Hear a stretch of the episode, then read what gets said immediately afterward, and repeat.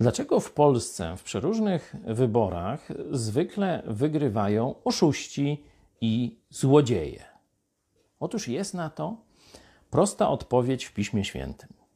Dzisiaj wyjątkowo posłużę się Biblią Tysiąclecia, bo zdecydowanie jaśniej tłumaczy 28 rozdział Księgi Przysłów czy Księgi Przypowieści. To jest nauka Salomona, króla żydowskiego, najmądrzejszego człowieka na ziemi. Człowieka, podkreślam, Jezus był Bogiem i człowiekiem.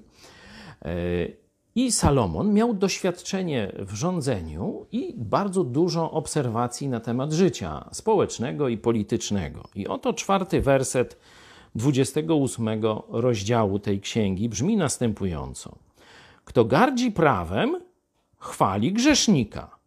Kto strzeże prawa, jemu przeciwny.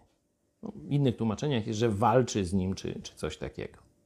Czyli zobaczcie, jeśli ludzie sami w swoim sercu i życiu, swojej moralności gardzą prawem, czyli wolą Boga, moralnością, przykazaniami, to mniej więcej tak można tłumaczyć, to będą chwalili, czyli głosowali na ludzi, którzy dokładnie to samo robią. Nie będą chwalili sprawiedliwych, no bo to, że tak powiem, urąga im. Bo oni wtedy widzą siebie jak w zwierciadle, że źle postępują.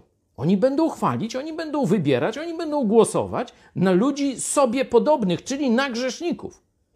Czyli żeby w Polsce zaczęli wygrywać w przestrzeni publicznej ludzie prawi, sprawiedliwi, niekłamiący, niekradnący i tak to tacy muszą być ich wyborcy. Jeszcze raz. Kto gardzi prawem, chwali grzesznika.